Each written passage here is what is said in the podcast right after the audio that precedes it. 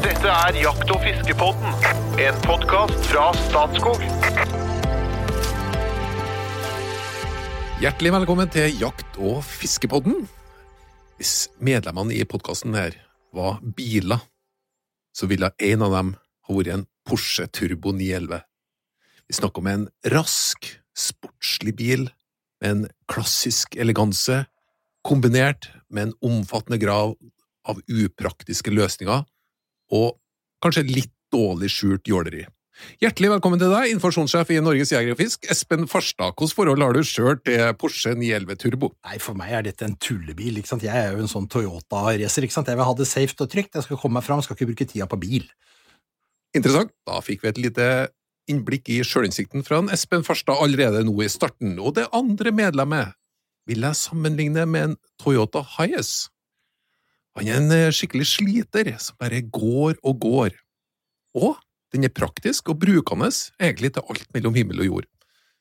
Ik ikke prangende på noe vis, i motsetning til Porschen, men samtidig en bil som ruster og harker. Den gir seg aldri. Hjertelig velkommen, fagsjef Jo Inge Bresjeberget. Hvilke biler har du egentlig?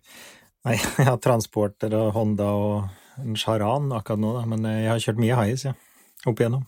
Ja. Hatt mange Hiacer. Hva, hva føler dere om bilvalget? For min del så passer det ganske bra. Jeg er nok mer Hiace enn eh, Porsche 911 Turbo, altså. Det er nok. Selv om jeg kunne tenkt meg den, Mm. faktisk. Jeg traff bra på deg, Espen.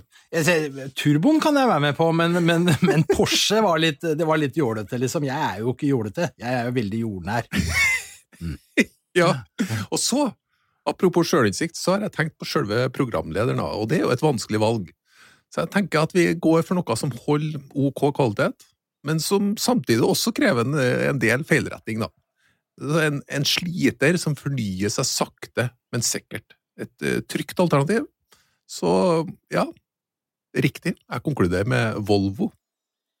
Hva syns dere om det? Syns dere at det Nei, jeg, var- eh, jeg var ganske sikker på at du skulle prate om en bil som var veldig nyskapende når den kom, men som kanskje er litt out of date, nemlig en, en Lada Niva. Tenkte jeg hadde passa bra.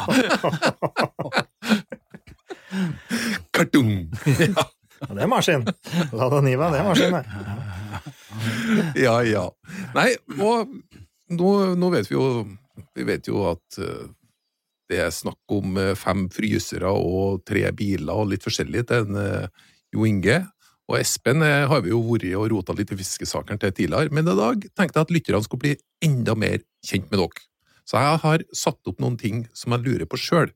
For dere har jo Altså, dere bringer jo med dere et lass av erfaring, både teoretisk og praktisk, inn i podkasten. Og så har jeg satt opp noen, noen ting som, er, som har vært litt artig å hørt. Eh, og det første jeg kunne tenkt meg å ha hørt om, det er din mest skremmende fiskeopplevelse. Og jeg kaster ballen rett over til deg, Espen. Mm. Skremmende fiskeopplevelse. Ja, jeg, jeg husker det veldig godt. Jeg, jeg lurer på om ikke jeg har fortalt om det før, men det, det er så lenge siden at det er sikkert glemt hos de fleste. Men hos meg sitter det spikra, det kan jeg love, altså. Jeg var, jeg var guttunge på en eh, Jeg kan tippe jeg var elleve år, sånn, og så hadde jeg sniket meg ut på isen for å fiske gjedde aleine. Eh, på et vann i Asker. Det hadde lagt seg stålis. Det var ikke så veldig mye altså det var god, tjukk is, da, men det var helt sånne stålisforhold du kunne se gjennom isen. Og så satt jeg ståsnøret bortover isen og fiska noe abbor, og tredde på en trebølkrok. Hadde lagd meg et sånt trekors som eh, snøret var festa i, så jeg ikke skulle stikke av gårde i hølet. La jeg det trekorset en eh, meter unna hølet med litt sånn isslush imellom, og så hadde jeg en sånne stående bortover isen av dette. Det hadde jeg lært meg, ikke sant, så jeg holdt jo på med dette her. Og så hørte jeg en sånn derre hysj-lyd. Da var det det trekorset som ble dratt mot hølet. ikke sant? Da skjønner du at nå, nå, er det noe på, nå er det noe på gang her. ikke sant? Løper så fort jeg kan da, på, på glatte isen ikke sant? og skrenser inn mot hølet, og ganske riktig, der, der er- har det trekorset lagt seg rett over hølet. ikke sant? Så tar jeg tak, og så drar jeg i, og så er det akkurat som det er ikke bare det at det liksom henger fast, du liksom får den der følelsen at du sitter i bånd, men det svarer momentant, vet du, så jeg nesten blir vippa forover og dratt ned i hølet. Jeg var ikke kraftig karen jeg når jeg var elleve år. Det var ikke før jeg runda 55 at jeg ble kraftig. Men jo, og så, så står jeg så Jeg var aleine på isen, da, og så driver jeg med den gjedda fram og tilbake, og jeg kjente jo at den var stor. Og så får jeg den opp under, og så var det så fin stålis at det var som å stå på ei glassplate. ikke sant? Og jeg så ned, og jeg så jo at dette var ei beist av ei gjedde. Eh, og jeg ble nesten litt skremt, da. Så det var litt sånn fæl, fælen følelse, ikke sant. Og så får jeg noe opp til hølet, da, og så åpner jo den, den bare spiler opp kjeften. Så, sånn han blir så svær at han kommer jo ikke gjennom hølet. Så der står jeg liksom med min livs gjedde i dette litt tjukke, gode ståsnøret, så har ikke noe fare med det, liksom, men, men, men jeg får den jo ikke opp av hølet. Og så tenkte jeg, hva skal jeg gjøre? Jeg ser meg fortvila rundt. Det var jo 30 år før vi hadde mobiltelefoner, så jeg var jo helt aleine utpå der. Til slutt så var det ikke noe annet råd enn at jeg måtte brette opp ermene, og så tok jeg og surra Jeg husker at jeg surra snøret rundt foten så at jeg låste det, liksom, og satt det ned på ene sida av hølet, og den andre foten på andre sida, og så stakk jeg henda ned til den der gjeddekjeften, og det er ikke noe kjære mor når det så beis nedi der, altså med noen tusen tenner. Så stakk jeg ned, så fikk jeg tak rundt kjeven på den, og så fikk jeg liksom klappa igjen kjeften, og så fikk jeg begynt å dra den opp. Det var tungt, vet du. Det var så vidt han gikk gjennom hølet. Jeg husker at han var liksom, det var trangt i hølet. Og så fikk jeg en sånn ganske altså Huet var over isen, kroppen satt i hølet, liksom, og halen var jo nedi vannet, for det var en svær fisk. Og så, opp, og så hadde jeg jo sølt mye vann, da, så sklei jeg på, på isen på vannet, rett på rumpa, glapp gjedda. Gjedda ble redd, slo med halen og kom som skutt opp av hølet av isen, og den gjedda veide 8,5 kilo. Jeg har, jeg har huet på den oppe i annen etasjen, her, sånn, for jeg la det på formalin. Det, det var den største gjedda jeg noensinne hadde fått. ikke sant? Men da var jeg litt færen, da jeg sto der og måtte stikke henda ned. Det var en litt sånn grusom fiskeopplevelse, men det var jo en opplevelse for livet, som dere skjønner. Og fantastisk fortalt! Helt utrolig! Så det var litt av et uh, oppspill eh, Jo Inge. Nå, jeg, Ja. jeg, kan, jeg kan trøste deg med at vi skal over på sånn, sånn skremmende jaktopplevelser. Oh ja, vi skal det, ja. Jeg vet jo at du, du har holdt på veld, veldig mye med jakt, men du har også fiska en god del. Har du noen sånne eh, skremmende opplevelser som du har brakt med deg, du? Ja, jeg har det. Først må jeg, korrigere ærede programleder. Vi er nå i besittelse av seks frysere. Jeg måtte, jeg måtte utvide frysegarderoben. Jeg måtte utvide frysegarderoben her før jul. Der jeg skar ned noen elger for noen, og så hadde jeg ikke fryseplass, og så var det en som ga bort en fryser her i bygda her, så jeg bare reiste bort og hentet den. Så nå er jeg seks, faktisk, ja. Men nok om det. Eh, fiske. Jeg har jo noen opplevelser. Jeg har vært med på det og drev litt neva nedi gjeddekjeften, liksom Espen sa, så jeg skal ikke ta den. Men det var òg en lignende opplevelse, og det, den er ganske stor. Det var like en åtte-ti kilos gjedde, det òg. Da den da først åpner kjeften, er ganske stor. Den er ganske diger. Men jeg har, jeg har en, en opplevelse jeg husker ganske godt fra ungdommen min òg, da. Eh, Jeg var ja, litt yngre enn Espen, så det var før jeg ble kraftig der òg. Og seks-åtte år gammel, så var jeg, med, jeg og broren min var med onkelen min og fische. Og det var liksom et lite vann, eh, fint kjenn på Finnskogen, og det er blå himmel, ikke sant, og det lufter litt mir, og du har nøkkeroser som de danser på vannet, og det er, liksom, det er bare en god stemning, ikke sant. Står med hersin bambusbau og, og legger en rød-hvit uh, isopordupp og fischer, uh, fischer ebber, da. Og hver det var, så biter det, ikke sant? Den der duppen begynner å Du ser den liksom vagle på vannet, og det er ordentlig, ordentlig god stemning. Og jeg rusher til, vet du, trekker den der over Jeg drar han til over huget, ikke sant? Og den har landet bak meg, og i, da, i iver, da, så snur jeg meg bare rundt, og så tramper jeg uti. Og der står jo vi Vi står på en mirkant uti det, det ikke et vann som gror igjen. Og der er det hengemyr. God gammeldags hengemyr. Eller velling, da. Altså mir som er på akkurat like myk som velling, så da jeg tråkker ned dit, så bare blurp nedi. Men, men heldigvis, da, så jeg rekker onkelen min å få tak i meg da, før jeg går helt under, da. Så jeg var Jeg hang liksom oppunder ja, opp hersen. med er med opp, og fisken i neven. Men fikk du fisken? Ja, jeg fikk fisken. Ja, ja. Og han dreier meg opp, han meg opp at jeg ble blaut fra topp til tå, det, det er gjørme og mir overalt. Men eh, det var, det var, jeg var ikke redd eller noe, men det var, liksom, det, var det ubehagelig nok når du, når du oppdager at du, Det er like, like tegneserie, du oppdager at her, her er det ikke noe under, da, og så bare blupp, så var det ned. Men ja, det var en av mine opplevelser. Så, så du rakk ikke å bli redd når du datt bakover og for ned til armhulene nedi ei hengemyr?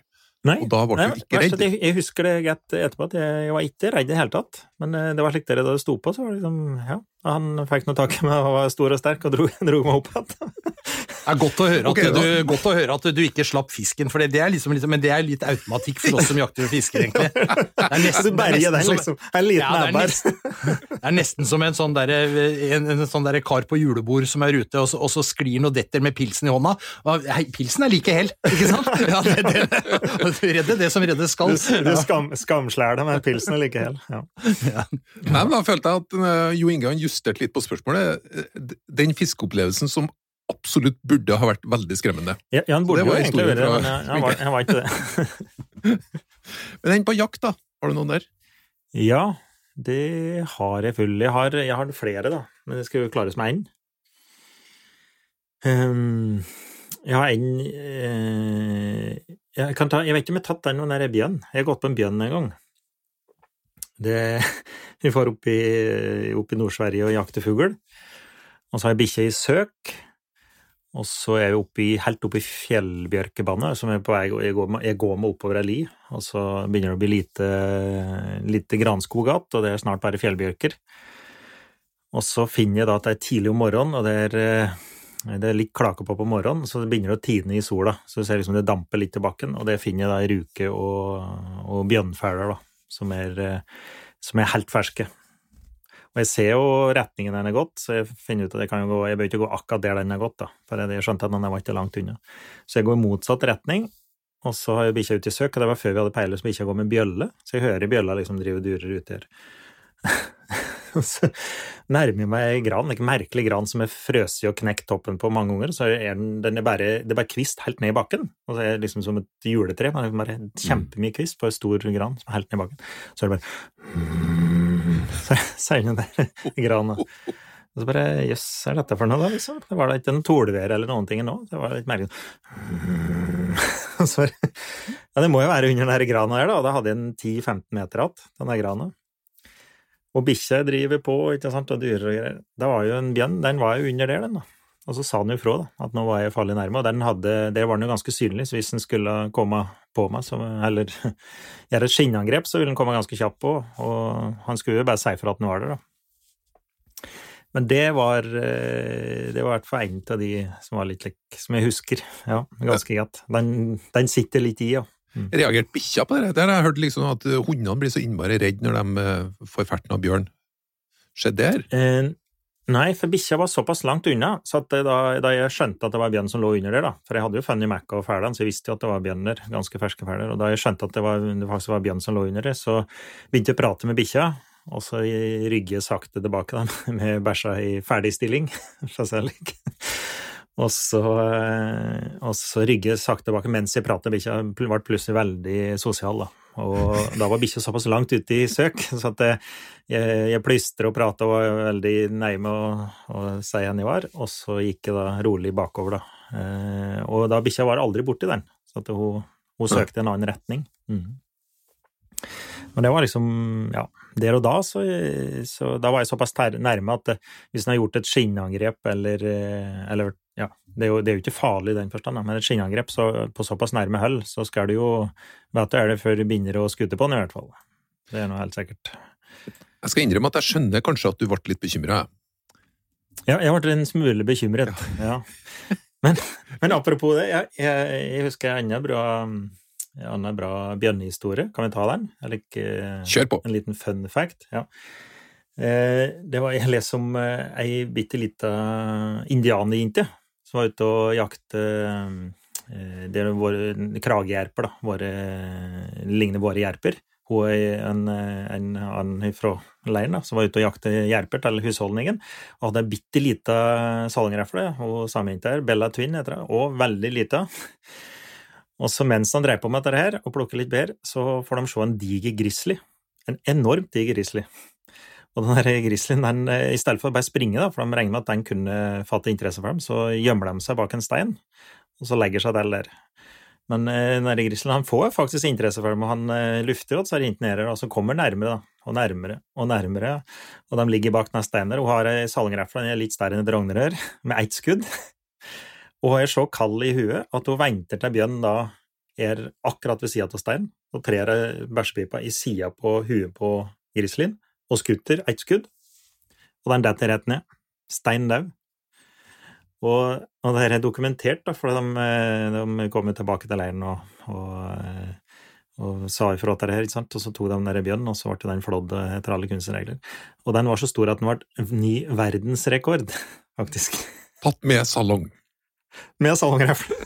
Og den, den verdensrekorden holdt i mange tiår. Det var på 50-tallet, tror jeg det var 53 eller noe. Og den holdt i mange tiår. Den er slett etterpå, da. Men det er fortsatt en av all, verdens aller største bjørner. Den skjøt hun lille indianerjenta, og kanskje 1,50 høy, med bitte lita sangrefle med ett skudd i huet. Eh, Espen, har du vært, borte? Om jeg kan jo Har du vært Det er jo ikke så lett å så hoppe etter en verdensrekord, da, og skal fortelle historier, men, men Nei, du, jeg har ikke, jeg, jeg har ikke noe sånn der veldig Jeg har en sånn nestenbjørn, jeg òg. Altså, det er litt rart dette med bjørn, liksom, men og, Jo Inge, du er veldig rolig på dette, sier at det er jo ikke noe farlig, og det kunne vært et skinnangrep. Jeg er jo sikker på at den kommer til å angripe meg for å drepe, og jeg føler meg ikke trygg når jeg vokste opp med Mr. Nelson og Pernille på barne-TV. Det er bjørn, Pernille, det er bjørn. Det var liksom det verste som kunne, som kunne skje. Eh, nei, jeg jakter jo litt i Sverige. Eh, så jeg gikk, eh, jeg gikk en gang nedafor altså Det var en sånn slakteplass der hvor, hvor de har kasta fra seg gammelt elgavfall og sånn, disse lokale elgjegerne. Det visste vi om, men så jakta vi alltid litt, eh, litt orrfugl nedi noen sånne granplantetetter. Og da jeg gikk nedi der en gang, så, så gikk jeg rett på et ordentlig svært elghue som lå helt sånn ferskt med tunga ute, midt inni det der feltet, plantfeltet. Og jeg, og jeg husker jeg tenkte med meg sjøl at det er, det er ikke minken som har dratt det huet inn her. Nå er det, nå, nå er det egentlig litt Nå er det jo litt det å gå på liksom et sånt ganske ferskt åte, holdt jeg på å si, rett inn i skauen. Men jeg gjorde jo som Jo Inge, jeg plystra og prata og var veldig sosial ute av skauen. Jeg, jeg, kameraten min litt lenger bort lurte på hva jeg egentlig drev med, men det blei mye lyd. Jeg, Mye lyd, ja. da, da ble jeg, jeg kjente at det var ikke noe hyggelig, det, altså. Det var ikke noe hyggelig, så jeg, har ikke, jeg går ikke der mer. Jeg tror ikke det. Men, eh, men jeg har jo aldri ellers vært ute for noe sånn eh, skummelt under jakt, egentlig. I naturen i det hele tatt. Kan jeg få ta en til? Jeg, var, jeg kom på en historie til, kan jeg gjøre det? Ja, er det en eh, skremmende historie, eller er det en fun fact? Ja, det er en sk skremmende historie. Ok, kjør på. Jeg lå oppe her i ungdommen min, før jeg ble stor og sterk der òg. Da lå jeg oppe på Kongsvoll på, på reinsjakt. Og så skulle opp der i Det var litt tåke oppe i berget, så gikk inn ifra Kongsvoll, og så mm, ferdig turist inn i tåka. Og det var akkurat samme, jeg hørte litt der buring. Nesten som torvær. Og så hørte jeg tramping, og så skjønte jeg at det her var jo moskus. Og de kan faktisk være ganske olme. Og det er, en, det er faktisk den eneste gangen jeg ble ordentlig redd. Der bjørneepisoden, da, var slik dere, da begynte jeg å kjenne på det, men eh, den gangen da ble jeg ordentlig redd, for den kom.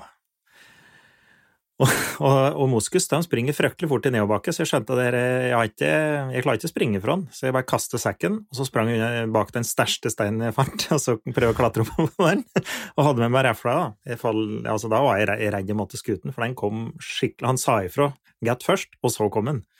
Men da var jeg seriøst ordentlig redd, altså. Det, det var rett og slett ubehagelig. og så lå jeg der, da, til det kom noen andre reinsjeger. De fantes jo ikke redden.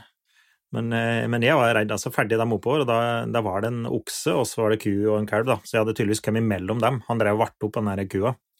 Og så kom jeg på turstien, så sto han på venstresiden av stien og dem på høyre. Så, og det likte han tydeligvis veldig dårlig. Jeg kom litt for tett på. Jeg var innenfor nærgrensa, da. Men da var jeg redd. Det må jeg innrømme. Moskus er i fårefamilien, er det ikke? Eh, ja, er de det?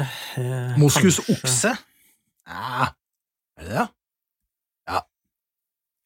Litt skummelt her nå, for nå er vi på jakt- og fiskebåten, og nå slengte jeg ut noe som vi er litt usikre på. Men vi får uh... Hører ikke hjemme i norsk natur, vet du. Nei, det, det er forklaringa. Eh, bra, Espen. Ja. Men du, jeg har et annet, annet ting jeg lurer på. Har dere en Altså, nå, nå har jeg hørt for så vidt både om jaktturer og fisketurer og fiskefangster. Men har dere Har dere en spesiell eh, fisketur eller jakttur som dere av en annen årsak, eh, som av en annen årsak enn det vi har vært inne på nå, har brent seg fast? Ekstra god, ekstra stor fangst, ekstra annerledes på noen måte? Er, det noe, det noen som virkelig fremstår som noe dere aldri kommer til å glemme av? Massevis! Ja. det er bare å sperre, ja.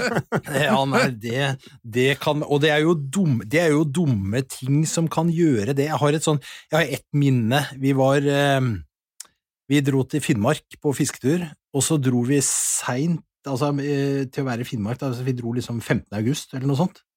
Eh, hvor, hvor nesten sommeren er litt på hell, da.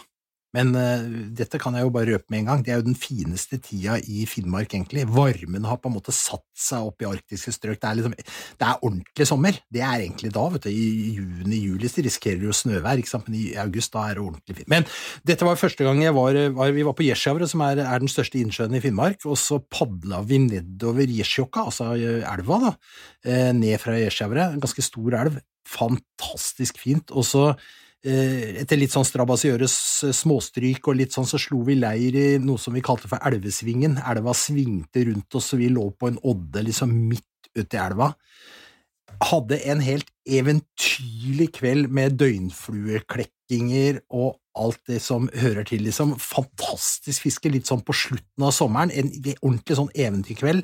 Og så samles vi liksom oppe i leiren eh, og drikker den siste pilsen som vi har møysommelig båret på på en hel uke, ikke sant, og, og, og ligger og, og, nyter siste kvelden. Og så hører vi på Reiseradioen eller Nitimen eller hva det var den gangen, på en sånn liten transistorradio som var liksom den kontakten vi hadde med omverdenen den gangen, en liten rød en, husker jeg, så stor som en lingustersvermer omtrent. Hadde den liggende, og så synger Kirsti Sparbo, som hun alltid gjør i siste programmet, En sommer er over. Herregud, altså, det er jo Ikke sant? Det var bare så Det brant seg inn i minnet, altså, hvor fint det egentlig kan være. Er det mulig? Rett og slett. Finnmark er litt spesielt for deg, Espen? Ja, det er, det er det, Altså, de få somrene hvor jeg av en eller annen grunn roter meg til andre deler av landet, på min ukentlige fisketur eller sånn, så kanskje jeg har Nord-Trøndelag eller Troms eller gud forby Vestlandet, liksom, så er det da, da, er det vondt, altså. Jeg må ha en tur til Finnmark. Og i år så skal jeg, i år skal jeg ja, Det er jo kanskje ikke så interessant for alle andre, men jeg skal altså ha ti dager i bobil i Finnmark. Skal jeg prøve nå, for da skal jeg ah. virkelig kjøre rundt og sjekke ut litt. altså. I august. På den fineste ikke tida. Porsche 911 Turbo, men. Nei, jeg tror ikke det. Det vil jeg ikke aldri falle meg inn. Hva er det kommet fortere opp, da? Få en dag ekstra. Ja, jo Inge, du som er så impulsiv nå, fikk du anledning til å tenke deg litt om ja, men eh, jeg har jo mange historier, da. Men eh, ja, jeg tror ikke jeg skal ta det der det går bra, for det, plutselig blir det oppfattet dere skryter på det, eller noe. Det vil jeg ikke. Men jeg, jeg har en historie det har gått skikkelig dårlig, da. Kan jeg kanskje ta den? Det glemmer, det glemmer jeg i hvert fall ikke. Jeg håper ikke jeg har, jeg håper ikke jeg har fortalt den før heller. Men da, det var i samme område som gikk på den Bjørn, da, som vi pratet om. Så var jo dit, det var jo skikkelig bra jakter. Så vi reiste dit året etterpå, og det var fortsatt bra jakt. Og første dagen jeg hadde ja, vi hadde ordentlig bra skogsfugljakt, for å si det pent. Og så var vi liksom bra i kaken, og, og jeg drakk eh, vann i bekker der. Og så sitter vi og kjører, skal ta en kveldsmys, altså rett før det ble mørkt om kvelden, og så ta en liten runde til. Og så plutselig så kommer det bare som skøter på meg at jeg må jo kaste opp, og jeg, og jeg blir litt brått dårlig. Bare, og jeg er aldri det. Og bare plutselig bare kaste opp og vært skikkelig dårlig. Og bare måtte legge meg til i bilen her, og var ordentlig, ordentlig dårlig. Og vi kjører tilbake til leiren, jeg legger meg til der og jeg er jo ikke i form. Og så begynner jeg å få feber, og så begynner jeg å hallusinere, og jeg ligger og skal jakte i fem eller seks dager. Jeg satt i tre døgn, i hvert fall. satt i. Jeg burde jo antakeligvis høre på lege, legevakt eller noe. Og jeg tror eh, den dagen, det var lemenår, jeg tror rett og slett at jeg ble infisert via vannet. For jeg drakk eh, Jeg hadde den der snyltekoppen min i lomma og drakk av backer hele tida. Vi åt samme maten og camperte sammen, så han, eh, kameraten min ble jo ikke dårlig, og jeg ble dårlig, og han drakk ikke da, av de backa. da. Men det, Men du, var, det, var, ikke en opplevelse jeg kan misunne noen, altså. Fy, fy flott. Men du, Jo Inge, Mm. Nå, nå, ble jeg veldig nysgjerrig, for du sier at du hallusinerer i negativ forstand eller positiv forstand? og hva er en negativ Er det liksom at fryserne dine går i stykker, eller hva, hva er liksom, hva er det som Hvordan arter det seg, dette her? Ja, det var som noen like feberdrømmer. Det var, det, var, rett og slett bare ubehagelig. Var, ja, jeg, jeg, mistenker at strømmen gikk, eller et eller annet. fryserne mine bare gikk opp i røyk. Nei, jeg vet ikke. Det var ikke, ikke behagelig i det hele tatt. Det var ja, aldri vært så dårlig, tror jeg. Det skjønner jeg. Det skjønner jeg. Men du, Trond Volvo Gunnar. Eh, nå ja. må jeg bryte inn litt, for nå tror jeg det er tid for limerick. Eh, Dagens limerick. Ja. ja, fordi at du sa at han var så impulsiv. Så tenkte jeg ja, det passer bra. Jeg har, har laget, en, en, eh, en liten limerick som handler om disse type jakt- og fiskepodprogrammer hvor vi får eh, spørsmål kasta på oss uten muligheter til forberedelse. Og så har jeg da para det med litt selvskryt, og da blir det som følger. Ikke overraskende. Nei, det vil jeg tro. To karer som svarer på smått og stort, gir gode svar ettertenksomt, men fort. De syns oppgavene er tøffe, ja, noen ganger vel røffe, men så langt har ikke karene gjort seg bort. Oh. Ja, det var bra. Og litt sjølskryt, men eh, vi, vi, jeg syns vi er i stimen her, så det går vel bra, det, tenker jeg. Jeg, jeg, også, jeg syns at eh, nå, Hva var første linja igjen? Ta det. Jeg må gjenta, ja. To karer som svarer på smått og stort, gir gode okay, svar stopp, ettertenksomt, stopp. men fort. Ja? Limerick. Nå, jeg kaller jo deg for Limerick-kongen, Espen, Ja, for jeg syns ja, du er ja. utrolig flink. Men er det ikke et lite krav om noe geografisk i den Jo, første linja? Det er egentlig det. Ja. Men da får Nei, men du ikke til hvis jeg sier to. Nei, nei det, er helt, det er helt riktig. Det, er, det var en liten, liten svikt der, jeg må innrømme det. Men eh, ja, Ja. vi, kanskje vi skal kjøre en e... Ja, nei. vi skal ikke. Nei, du, neste. Utenlandsjakt, utenlandsfiske. På skala fra én til ti, hvor eh, Så vi har jo verdens beste land for Mm. jakt og fiske, Mm. men av og til så er dere Har dere gjort noe i utlandet? Har dere noen sånn tieropplevelser eller eneropplevelser som du kan dele med lytterne? Ja. Jakt eller fiske? Jeg ville ha. Ja. Det er jakt- og fiskepodden, folkens! Jo, jo, men vi lurte på, du, siden du deler opp i jaktspørsmål og fiskespørsmål, var vi nå på Eh, jaktspørsmål eller fiskespørsmål? Dere ønsker å bli leda. Ja. Vi, starter med, vi starter med fisk. Ja. Vær så god, Espen Farstad. Ja, da skal dere få høre en ganske artig historie, hvor jeg er jo en ihuga ørretfisker, som dere kjenner. Og laksefiske syns jeg egentlig er en uting. Jeg syns det er ganske kjedelig, og, og eh, jeg er ikke så opptatt av det, da. Men så hadde jeg bestilt min livs ørrettur. Jeg skulle til Kola. Altså Kolahalvøya i Russland. Eh, og hadde bestilt tur. Eh, Det var en sammensatt gruppe. Vi skulle få lov til å reise til en elv som ikke var ordentlig utforska enda, som, som fiskedestinasjon, så vi var en litt sånn prøvegruppe. Eh, Vi skulle kastes inn i en leir, eh, vi skulle bo i telt, og så skulle vi kunne gå opp og ned langs denne fantastiske sideelva til Yokanga River og, og fiske svære ørreter, var vi liksom forespeila. Ja, og så drar vi inn, det er jo spenning, og du flyr til Kirkenes, kjører til Murmansk, forbi Nikel, blir frakta inn med gammelt russisk militærhelikopter. To dager fra du drar hjemmefra til du er inne i leiren. Men da er du jo også på tundraen, ikke sant, og du ligger ved fantast... i et Altså det, er, det er Finnmark i tredje potens, dette her. Det er helt ubeskrivelig flott. Det er bjørnespor overalt, jerven hyler om kvelden, ørreten springer i elva, det er alt det er helt tipp topp, ikke sant? Og så kom vi til, og jeg har jo rigga meg til med jeg har jo med femmer- og sekserstang, og tenkte liksom dette er, eh, nå skal jeg virkelig få mine livsfisker. Og kommer ned til elva, og omtrent på første kastet så klanker jeg på en svær fisk, jeg drar den, så er det laks. Så er det laks, liksom. Ja, og han- jeg, han kameraten min han er nede og skal håve denne er kjempeørreten, og, så- og så sier han det er laks, og, og jeg sier 'pælmen!' Jeg, jeg blir jo rasende. Ja. Og sånn var det hele uka. Dette ødela jo alt. ikke sant? Altså, du kunne jo bare pakke bort små fortommer, tørrfluer, mygg, steinfluer, vårfluer, og så måtte du fram med den der litt halvmøkkete, smårustne streamerboksen som du egentlig hadde nederst i fiskeveska etter sjøørretfiske, ikke sant? Og fiske med noen børstemarkimitasjoner for å få disse her laksene til å ta deg. For da- ørretfiske gikk jo ikke, jeg kunne ikke fiske ørret der, for det var jo laks overalt. Altså Han Finn, bestekameraten min som var med der, han fikk en laks som ja, en 15-16 kilo, tenker jeg, på enhåndssang, ikke sant? Lakser så svære som hvor som helst, men det ødela jo hele ørretfisket vårt. Så her var laks en ugrasfisk i denne sammenhengen. Så var det egentlig en dårlig opplevelse. Nå, nå sitter, så sitter halvparten av lytterne, og så nikker jeg med og, så- og andre halvparten av eh, lytterne er lett krenka nå. Ja, De tenker meg krenka for dette, jeg, jeg rakker ikke ned på laksefiske eller laksefiskere, for all del, men det er ikke min greie. Så jeg, ville jo, jeg hadde jo betalt dyre dommer og reist langt for å fiske ørret. Ja.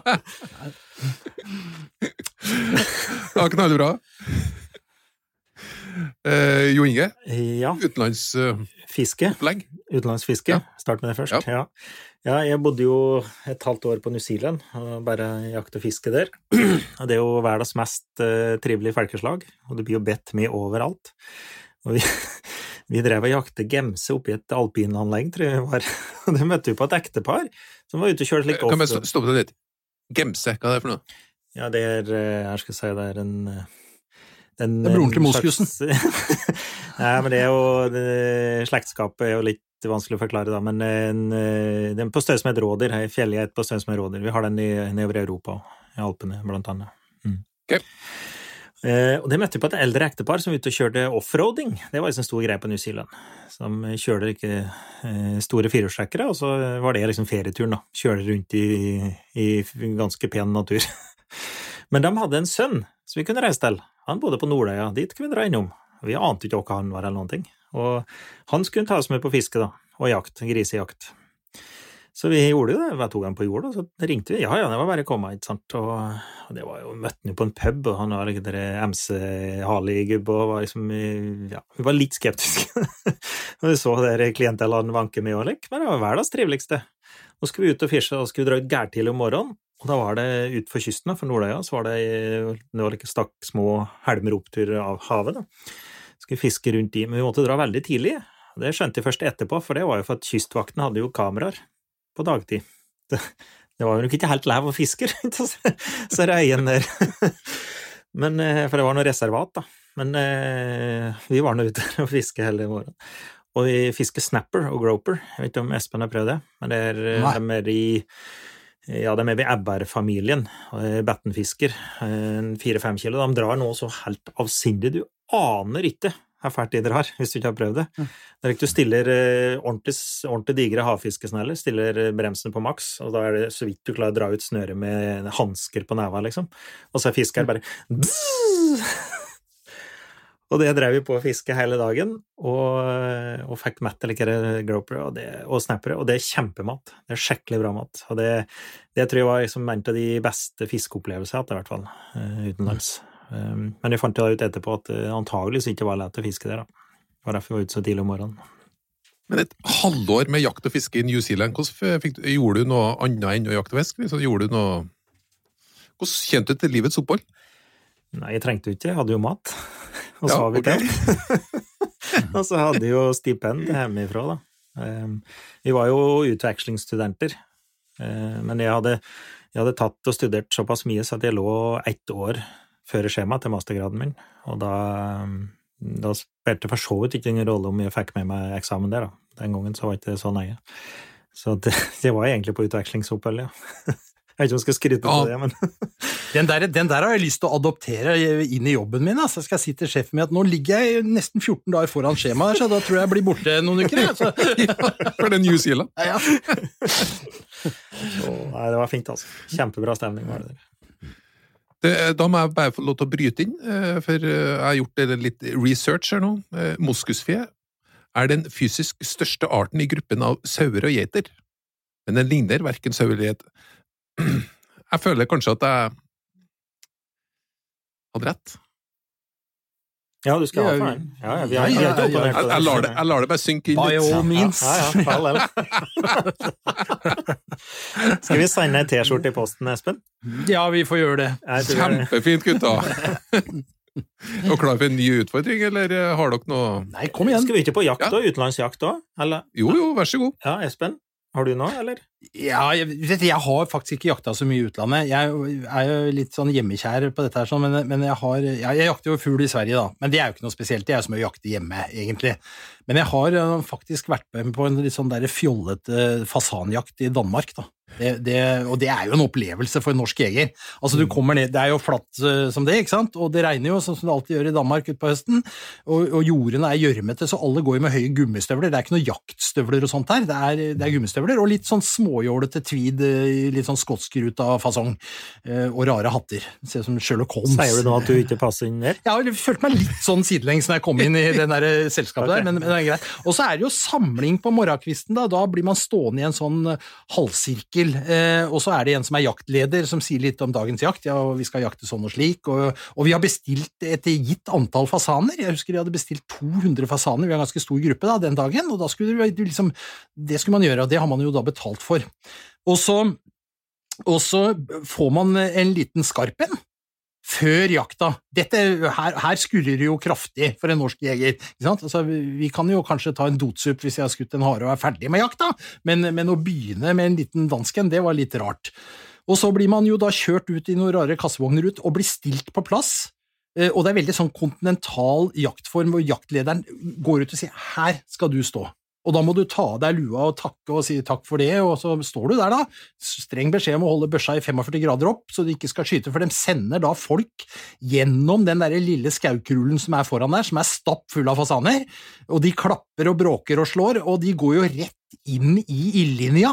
Ikke sant? Sånn at det er utrolig viktig med det der 45 grader opp. Så begynner det å sprute ut eh, fasaner, eh, de dundrer over huet på deg, og du skyter, og bak deg så står det da eh, flere personer med svarte labradorer som plukker opp fuglene fortløpende etter hvert som du skyter dem. og Det er jo en human jakt, for det er jo ingen fugler som kommer altså En skadeskyting her blir jo plukka opp umiddelbart, mm. så, så, det er mye å si om det. Men jakt og jakt, fru Brom, du står som på en lerduebane og skyter fasaner.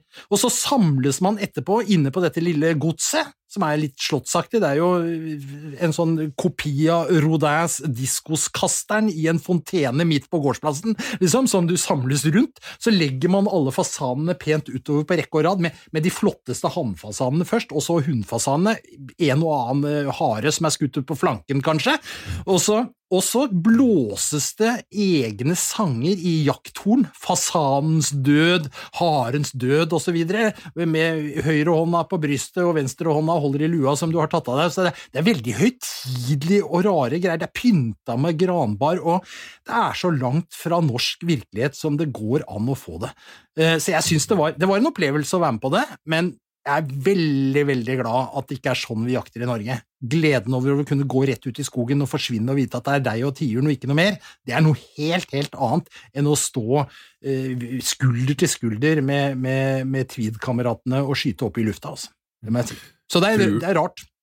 Ja, tror, tror, du at det delvis kan henge sammen med at uh, den, det var et helt annet innslag av adel både i Sverige og Danmark kontra Norge? Ja, det er jo det, og dette er jo godsjakter, sånn som, sånn som det jeg var på. Og i Danmark Dette er jo utsatt vilt. Uh, jeg husker mm. på, på ett punkt der, uh, for at man setter ut ca. en million fasaner årlig i Danmark. Og dette er jo en et viktig del av livsgrunnlaget for gods, de som eier godsen i dag. Jeg vil ikke si godsherrene, for jeg tror det er lenge siden de var det, eh, men de, de eier gods, og så er dette en del av driften. Så jeg har ikke, har ikke noe prinsipielt imot det, jeg bare syns det var en veldig rar opplevelse. Mm. Men vi sto der og skøyt, og så plutselig så gikk, var det veldig sånn urolighet i, i jegerkorpset. Det er noen som begynner å rope 'snebbe, snebbe, snebbe'. Snebbe, det er det danske ordet for rugde. Mm. Da kom det ah, altså en rugde i drevet, og da snakka vi plutselig om noe helt annet, nemlig. Det er edelvilt, for, det, for det, er vilt, vilt. Det, det, er vilt vilt. Ja, da var det plutselig jakt, liksom. Okay, sånn, at, okay. sånn, at, de skjønner jo nok litt sjøl, at de driver med litt sånn der Donald Duck lekejakt eh, der nede, ikke sant, på fasaner og utsatte ender, og så kommer det en snebbe! Og da var det full eh, alarm i hele jaktrekka! Så det er veldig rare opplevelser, men på sett og vis også hyggelige. Ja, Spennende å få med seg sånne ritualer, sånn som er bygd rundt det òg. Veldig. Ja, absolutt. Det, ja. det er jo en mer europeisk eh, jegerkultur, det, er akkurat det, da. De ritualene ja. rundt, den parolen, mm. og, og, du har her du mm. kan skute, og så har du paraden etterpå, da, ikke sant, med hornblæsing mm. og, og, det viltets eh, Du skal liksom mm, prise viltet, da. Men den fasanjakta minner vel litt Det er det engelskmennene kaller shooting, ikke nødvendigvis hunting, da. Så det er mer shooting. Og jeg venter med på, ja Oppspillet til deg, Jo Inge, hvor, hvor mange verdensdeler har du jakta i? Eh, samtlige, tror jeg. Ja. Hvordan velger du for historien nå? Nei, jeg, jeg har vært med på vi har, vi har, vært på New Zealand, så vi må ta en annen. Ja, ja, jeg klarer det. Men eh, vi, har, vi har vært på mye dårlige jakter. Og jeg tror jeg tror jeg egentlig bare er kjent at jeg har blitt fryktelig glad i den jakta vi har i Norge. Eh, vi mm. reiser i utlandet, så er det ofte at det er mer vilt. Altså stort sett, da, så er det mer vilt. Eh, men jeg har òg eh, kommet til en erkjennelse at det er ingen troféjeger, så det passer ikke meg, rett og slett. Det at du skal betale ganske dyrt, og så skal du òg betale for trofeet, og så skal du da betale alle som er, du møter på din vei. Altså det er liksom helt en Mm. forventning at du skal ha noe tilbake, og så skal du òg det, det passer ikke meg, altså, helt ærlig. Og jeg, jeg har vært i Afrika og jaktet det er jo en form for troféjakt der.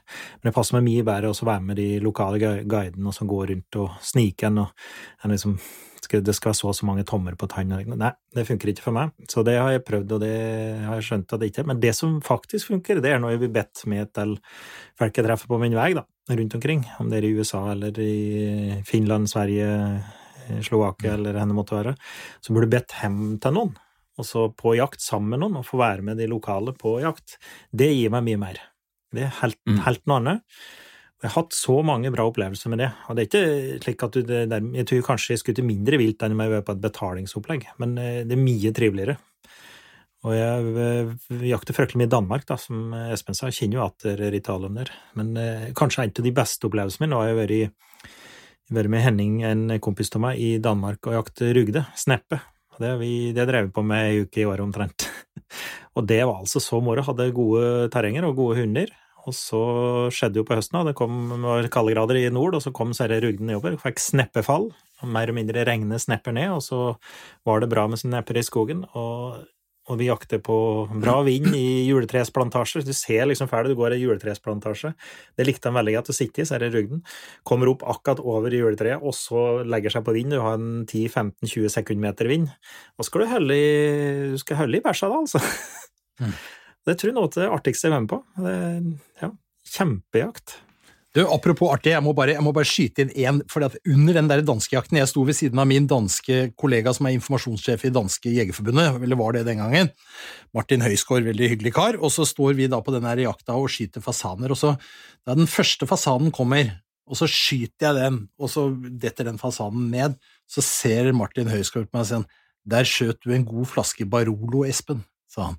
De, kost, de betaler altså 300 kroner, danske kroner den gangen per fugl Mm. som Ah. felles, ikke sant? Så det, så det var hans liksom, perspektiv. Der skjøt du en god dyr Barolo, Espen.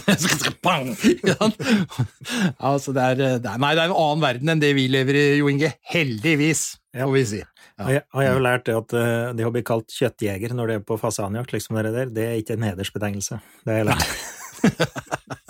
Men da kan jeg, kan jeg fortelle til lytterne at begge to nå var inn på rugde, og vi har faktisk en tidligere episode som uh, går på rugdejakt. Så hvis man blar seg litt tilbake i vårt rikholdige arkiv, så kan man gå inn på rugdejakt. Det tipper jeg er en type, type jakt som ikke veldig mange har vært, i hvert fall ikke spesifikt på rugdejakt. da. Mm -hmm. uh, vi begynner å nærme oss slutten nå. Jeg, jeg kunne tenkt meg etter jakta, så står man igjen med noe. Kan dere gi et par sånne knallgode mattips, både på vilt og på fisk? Og jeg, det er helt åpen nå. Den som eh, det Her er bare kasta frem. Et par gode, ja. Det, er jo noe med å leve i, leve i nuet, da. Det har jeg også lært meg til at eh, både fisk og vilt er eh, faktisk best ferskt, og når det, særlig fisk. Og det har lært meg til at eh, når du da er på fisketur, og det å kunne nyte fangsten der, da, i stedet for at du skal drive hamstre og ha med den hjem igjen, Altså, du forringer jo egentlig kvaliteten med en gang du begynner å oppvare den. Men det å kunne nyte den på tur, det skal en heller ikke undervurdere. Om det er ørret eller ebber eller har du fiske, og så bare ete den når du er på tur. Da er den ofte best. Den stemninga og alt, eh, det kan anbefales. Så liksom her er det mest ebber, da, så bare det å kunne gjøre bål, og så steike, steike sprøsteike ebber, og ha den på godt brød og med smør, det Ja, jeg setter mer med pris på det, faktisk. Kan funke med unger òg. Keep it simple. Det var veldig simple, bra, ja. egentlig. Helt fint. Ja, ja, og jeg, jeg, jeg, kan, jeg er for så vidt helt enig i det. Altså, og det å spise når du er på tur For meg er det litt selvsagt. Når jeg er på fisketur, så eter vi fisk hele tida. Når vi er på Finnmarksvidda, så eter vi fisk hver dag hele tiden. Altså, selvfølgelig gjør vi det, og vi prøver å variere litt. Vi steker og vi koker. Vi prøver å røyke hvis vi ligger noen dager på samme sted, lager litt med røykeovner og, og tuller rundt med sånne ting. Også, og, og til og med de siste åra har vi også hatt med oss små bokser med, med litt eh, soyasaus og wasabi, og, og kjører full eh, sånn sushi-varianter, holdt jeg på å si. Sashimi er det vel egentlig da, når det ikke er ris, for det, det gidder vi dog ikke bære inn på vidda. Så det, det er fint, men vi, gjør det også når jeg er på jakt. For at, det- og det er, men den sitter litt lenger inne, skjønner du, for at når du kommer hjem fra jakt, så skal du gjerne på en måte ha et knippe, og om ikke vise fram, så i hvert fall å ha med hjem. Ikke sant? Mm. Men, men, men øh, i de siste åra har vi blitt flinkere til det når vi er på jakt, at det, særlig skyter vi noen orrfugler tidlig i ei jaktuke. Så passer det jo kjempefint å ete dem etter den tre-fire utpå, ja. dager. Ikke sant? Ja, ikke sant? Mm. Så, å gjøre det, og så Og ikke det være så gjerrig på det. Nei, jeg skal ikke være så Ja, gjerrig på det. er det kjempegodt, og det er jo egentlig bare tull å ta det med hjem, for at hjemme så er det jo sånn at ja, folk har jo både fem og seks frysere, har jeg hørt, skal man klare å ta vare på at man har, så kan jo like så godt ete litt mens det er ferskt og godt. Ja. Mm. Men, det, men det lurer jeg litt på. Hvis du skjøter rype, så spiser du den samme kveld. Det går helt fint. Det, ja, det gjør det, ja. Ja, ja. Ja. Ikke noe problem. Mm. Men kanskje ikke en gammel tiur. Kanskje ikke en gammel tiur, Jo Inge. nei, da ville du kanskje hengt litt med ete rype eller due. Det kan du spise samme dagen. Det er ikke noe problem. Ja, og due, ikke minst. Det å steike seg noe duebryst når du er ute på duejakt. Ja, det er jo så godt da, vet du. Nå kjente jeg at jeg våkna litt i livet igjen med en gang. Ja. Ja, har det et, noen som kan slenge inn et vilttips her nå? Nå hadde vi et par eh, fiske... Ja, Jo Inge, Mm. et eh, vilttips mot slutten. Jeg, jeg ser jo, jeg kontrollerer mett i skaller, og da ser jeg det henger eh, Ofte så henger det henger det tunger ut der som de ikke tatt til vare på. Det syns jeg er en synd og en skam, da. Så det å koke elgtunge, og så salte den, også på brød eller flatbrød, og kanskje litt pepperrot i remme, så du har litt pepperrotkrem på, eller eh, slik sylteagurk, det kan Det er helt ubeskrivelig godt. Og jeg blir rett og slett oppriktig lei meg når jeg har eh, skallevisning på elgjakta og ser at det ligger ligger eh, tunger fortsatt og surner i disse skallene her. Så jeg bruker ta dem hvis de ikke er sure, så tar jeg av dem det. Men eh, det er, jo, det er egentlig trist, for det er en kjemperessurs. Eller ta hjertet opp. Mange som ikke tar et hjerte heller. Det tar jeg og salter det, og så henger det på tørker det. Da må du henge Du kan ikke ta samme dagen, da, men henger ikke veldig lenge, for du kan ete det. Det òg kan anbefales. Det er ikke, Du kan ta et hjerte når som helst, jo, Inge. Det kan være blodferskt, og bare skjære opp i skiver og steike i panna. Det er kjempegodt. Det Ikke kan du Nei. problem. Rådyrhjerte, Men jeg har en våt jeg har en våt, jeg har en våt elgdrøm som jeg aldri har fått uh, gjennomført, uh, som, som kunne vært morsom. Nå er jeg litt spent, for du er jo ikke akkurat sånn elgjeger frem, først og fremst. Nei, men jeg spiser elgkjøtt, og jeg har ja. både respekt og glede av elgen når jeg møter den i skauen, og jeg syns det er et fint dyr, og alt er bra. Det er bare at jeg orker ikke sitte timevis og vente på den, men, men jeg er veldig glad i elg, jeg. Laks og elg. som, ja, det som kunne, ja, ja, det som kunne vært godt, vet du, og prøvd en gang, det hadde vært å lage smalahove av elg. Altså røyka den og salta den og, og delt den på langs, og så tenk deg den der middagssituasjonen hvor du sitter med liksom en mule og Det er en halv meter imellom, ikke sant? Og du har, du, du ha, det er jo koronaavstand på, på bordet bare ut fra huet på elgen, ikke sant? Men det må jo være mye godt kjøtt der! Garantert. Garantert. ikke sant? Det er, ikke sant? Det må jo være det, altså, Men det har jeg aldri hørt noen som har prøvd. Kanskje det skulle være et stunt som Jakt- og fiskepodden skulle gjennomføre, det der? Ja, ja, ja. Men er ikke, er ikke det beste kjøttet på torsken, for eksempel? Ja? Jo, altså, Altså fiskekjøttet? du, her, er, det- her, er, her er en huskeregel, vet du, som er at det beste, det beste på dyret, det sitter bak på dyra og foran på fisken. Mm. Ah, Er du med? Okay. Ja. Ja. Men, men jeg tror allikevel at helt foran på dyret dette er smalahove, altså, huet på elgen, det må være mye mat der. Det er mye mat der. Jeg skal, jeg skal det er en utfordring jeg skal ta, så skaffe et elghugge så vi kan få prøve. Jeg har sett eh, oppskrifter på elgmule, for eksempel. Gammel eh, tradisjon. Eh, jeg tror en samisk tradisjon heter elgmule. Og da du, begynner du jo nærme deg, da. Men eh, det skal vi Er ikke det mye det prøve. fett? Jo. Blir ikke det jo. mye fett, jo, Inge? Men, men det er jo ikke noen som Eller opp igjennom så har jo jegere og sankerfolk og samer har vært opptatt av å få i seg mye fett, da. Så, Utrolig artig å høre på. Dere er veldig engasjert og har mye kunnskap og har mye erfaring og er like sulten på nye opplevelser da som nå. Kjære lytter, eh, vi har plass til flere lyttere. Dere kan hjelpe oss ved å tipse en venn eller ti om podkasten, og gjerne del lenker inn til oss på sosiale medier. Eh, har du lyst til å komme i kontakt med oss, så er vi enklest å nå på Messenger, men vi tar også imot e-post jakt- og fiskebåten at statskog.no. Før vi fader helt ut, så skal vi ha vår faste spalte Hot or not. Er eh, mine venner klare? Ja. Åh, kjempe, det var helt på! Eh, jeg foreslår at en Espen svarer først, og Jo Inge nummer to. Tinder, hot or not? Not. not. Ja, du vet hva det var, Jo Inge? Nei. Jo, jeg vet det. Bitcoin. Bitcoin, hot or not? Not. Not. Flatehogst, hot or not? Not. Ah, not. Sesongkvote på rype, hot or not? Ja, det er hot. Not. Jeg var, så, dere var ganske like, men jeg har, for, å være helt sikker så har jeg tatt med en med en sånn uh, hot-garanti. Og det, det, kommer en låttittel, men først skal jeg ta litt av teksten før jeg tar sjøle spørsmålet. Nå må dere høre godt etter. Teksten går sånn. Det gjelder å ha det artig, for det er lenge å være død. Jeg stapper i meg både søtt og salt uten å være flau. Jeg er god og rund å ta i, det er mye å være glad i, både hode, skulder, kne og røv. Plata fra DD heter Næ, næ, næ, næ, næ, næ, og låta heter Det gjelder å ha det artig, hot or not. Not, not, not, not, not. Det var hot på begge to.